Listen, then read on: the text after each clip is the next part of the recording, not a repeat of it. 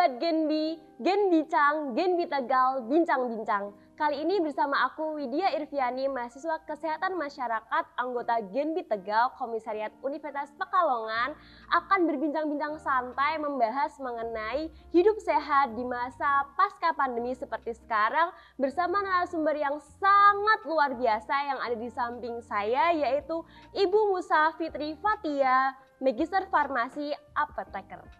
Assalamualaikum Ibu, gimana kabarnya nih Bu? Waalaikumsalam Mbak Widya.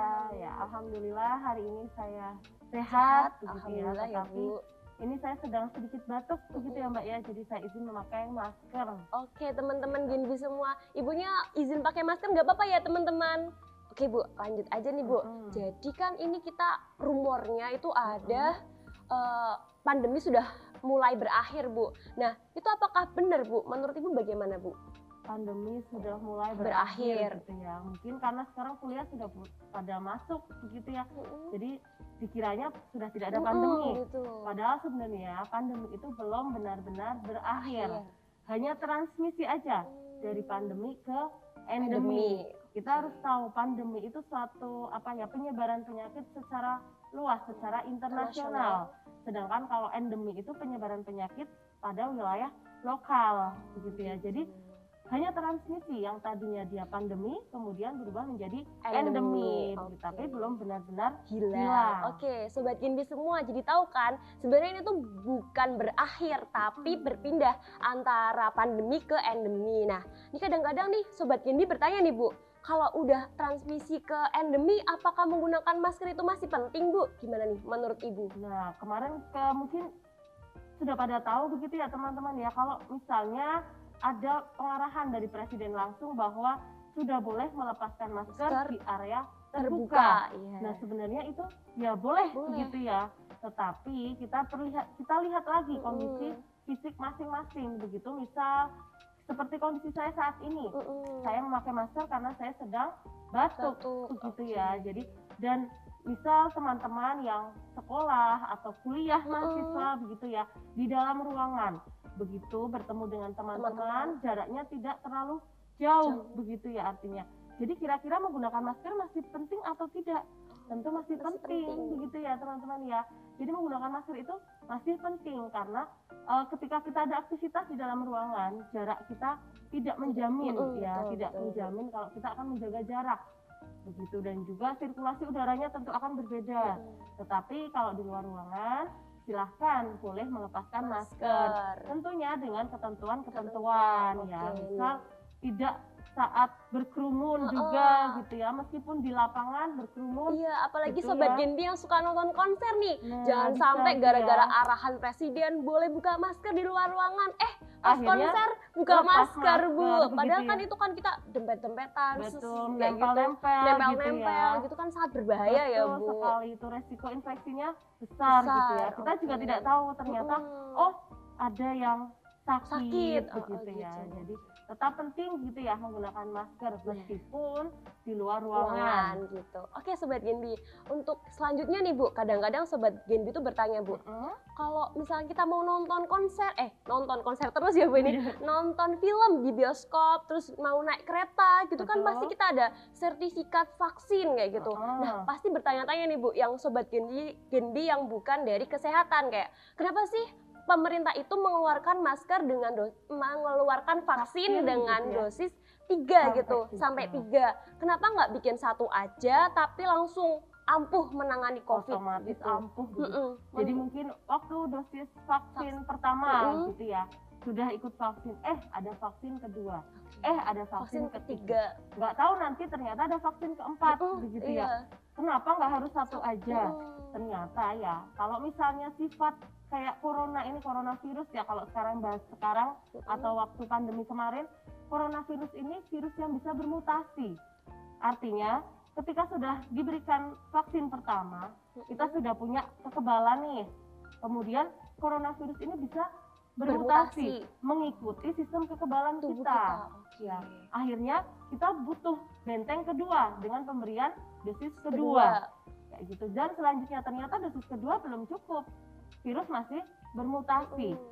Perlu dosis Booster gitu ketiga ya, Bu. booster Heeh. karena apalagi varian yang sekarang ya jadi BA3 dan BA4 BA4 dan BA5 ini dia virus mutasinya sangat besar kayak gitu jadi dia lincah, Lincah, begitu oh, gitu. makanya perlu vaksin, Vaksin. selanjutnya Oke, oke teman-teman Genbi semua, jadi tidak harus uh, kayak untuk nonton aja, untuk pergi Betul. aja bahwa ternyata vaksin itu sangat penting sangat penting gitu. ya untuk kita sendiri sendiri, begitu ya. apalagi virus yang sudah mulai gampang bermutasi Mm-mm, gitu ya Bu. virusnya sudah pintar-pintar Pintar-pintar. Nah, kemudian nih Bu, uh, untuk si status kewaspadaan COVID-19 saat ini dari segi medis itu gimana ya Bu? Eh, kalau untuk di Indonesia saat ini status kewaspadaannya rata-rata sudah di level 1 Satu. gitu ya. Jadi beberapa daerah masih level 2. Iya. Ya mungkin karena berbagai faktor begitu ya. Contohnya di Jakarta, kemudian Depok, Bogor, Tangerang. Bekasi ya. Itu masih level 2, tetapi sebagian besar di Indonesia sudah ke level 1. Artinya apa? Terjadi penurunan. Begitu ya. Jadi penurunan. Makanya sekarang kan eh, status dari pandemi sudah beralih ke endemi begitu. Tapi ada kemungkinan di daerah-daerah Jabodetabek itu ada untuk menuju ke level 1 nggak Bu? Mungkin sangat Mungkin. ya. Jadi eh, yang dari level 2 turun ke level 1 Satu. itu sangat mungkin yang dari level 1 naik ke level atas juga Oh, mungkin. gitu. Semua kembali ke individu ya. Hmm. Artinya apa yang sudah kita lakukan waktu pandemi kemarin Mm-mm. pada saat pandemi kita terus menerapkan meskipun sudah di pasca pandemi. begitu ya teman-teman. Jadi meskipun sudah tidak di masa pandemi seperti sebelumnya, kita tetap harus menaati protokol kesehatan, mengikuti vaksin, mengikuti eh, vaksin. Misal ada booster ya kita Iya. harus mengikuti. Begitu ya, menjaga kebersihan, menjaga kesehatan. Begitu Oke nih, itu tetap Nah, penting.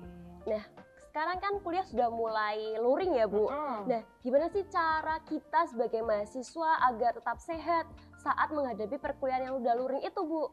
Ya, jadi kalau misalnya mungkin siswa dan mahasiswa Mm-mm. gitu ya pembelajaran sudah dilakukan secara Luring. offline Iya, luring betul. begitu ya. Ada beberapa misal contohnya tetap menjaga kesehatan Mm-mm. begitu ya. Makan makanan yang bergizi Gizi, dan sehat. seimbang. Oh, Tidak seimbang. cuma makan banyak tetapi juga harus bergizi dan seimbang, harus sesuai porsi. Kemudian juga eh, misal untuk minuman gitu ya, banyak minum.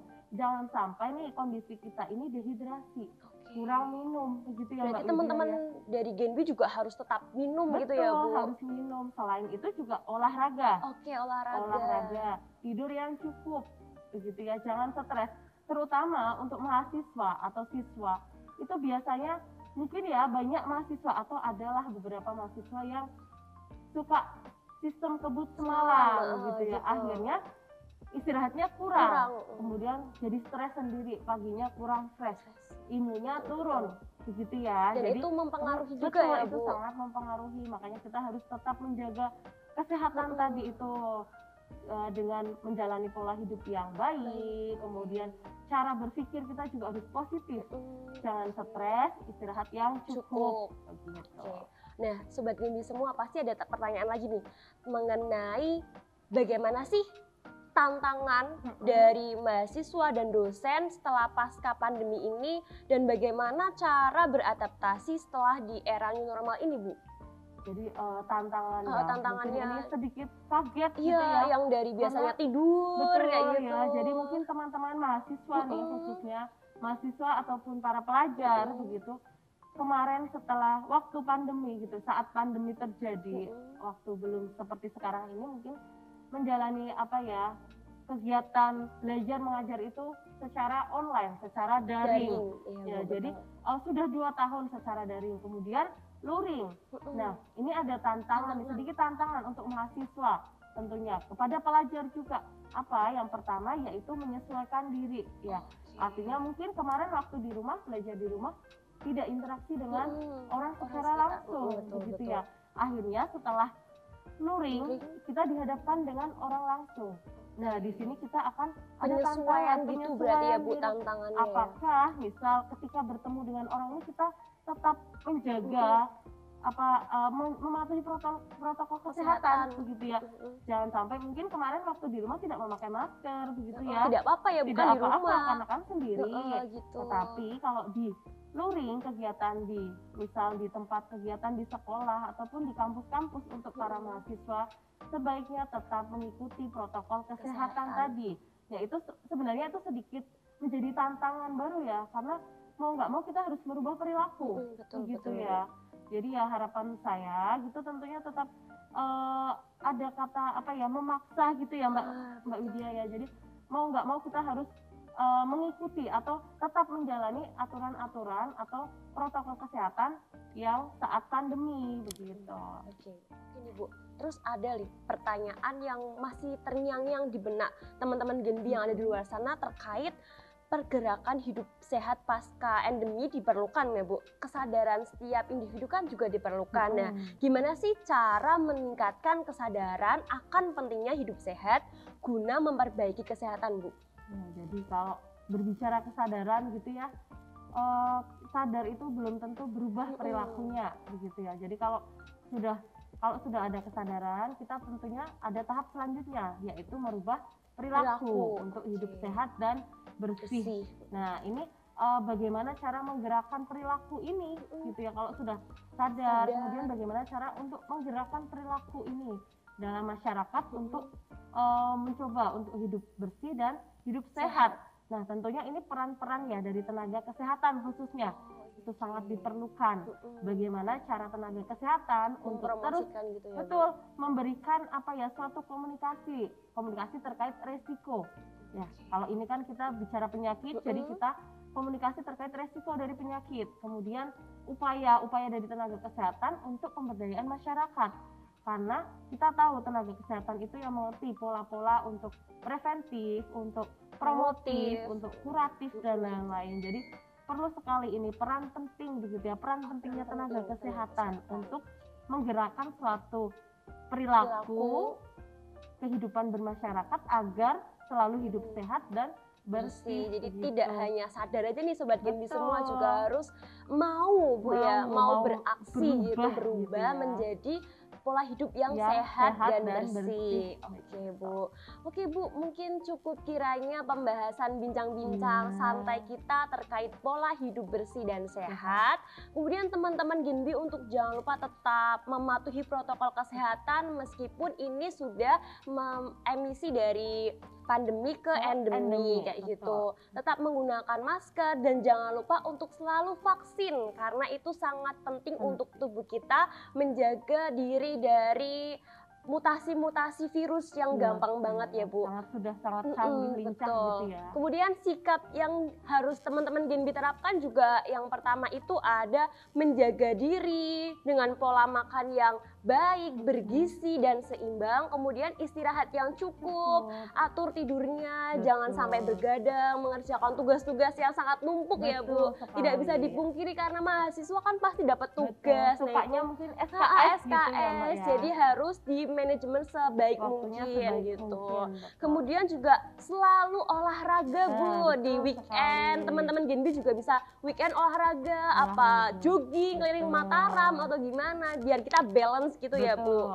Oke teman-teman Genbi semua, begitulah perbincangan kita mengenai pola hidup sehat. Jangan lupa untuk selalu like, komen, dan subscribe channel YouTube Genbi Tegal. Saya Widya Irviani undur diri, sampai jumpa di lain kesempatan. Bye-bye.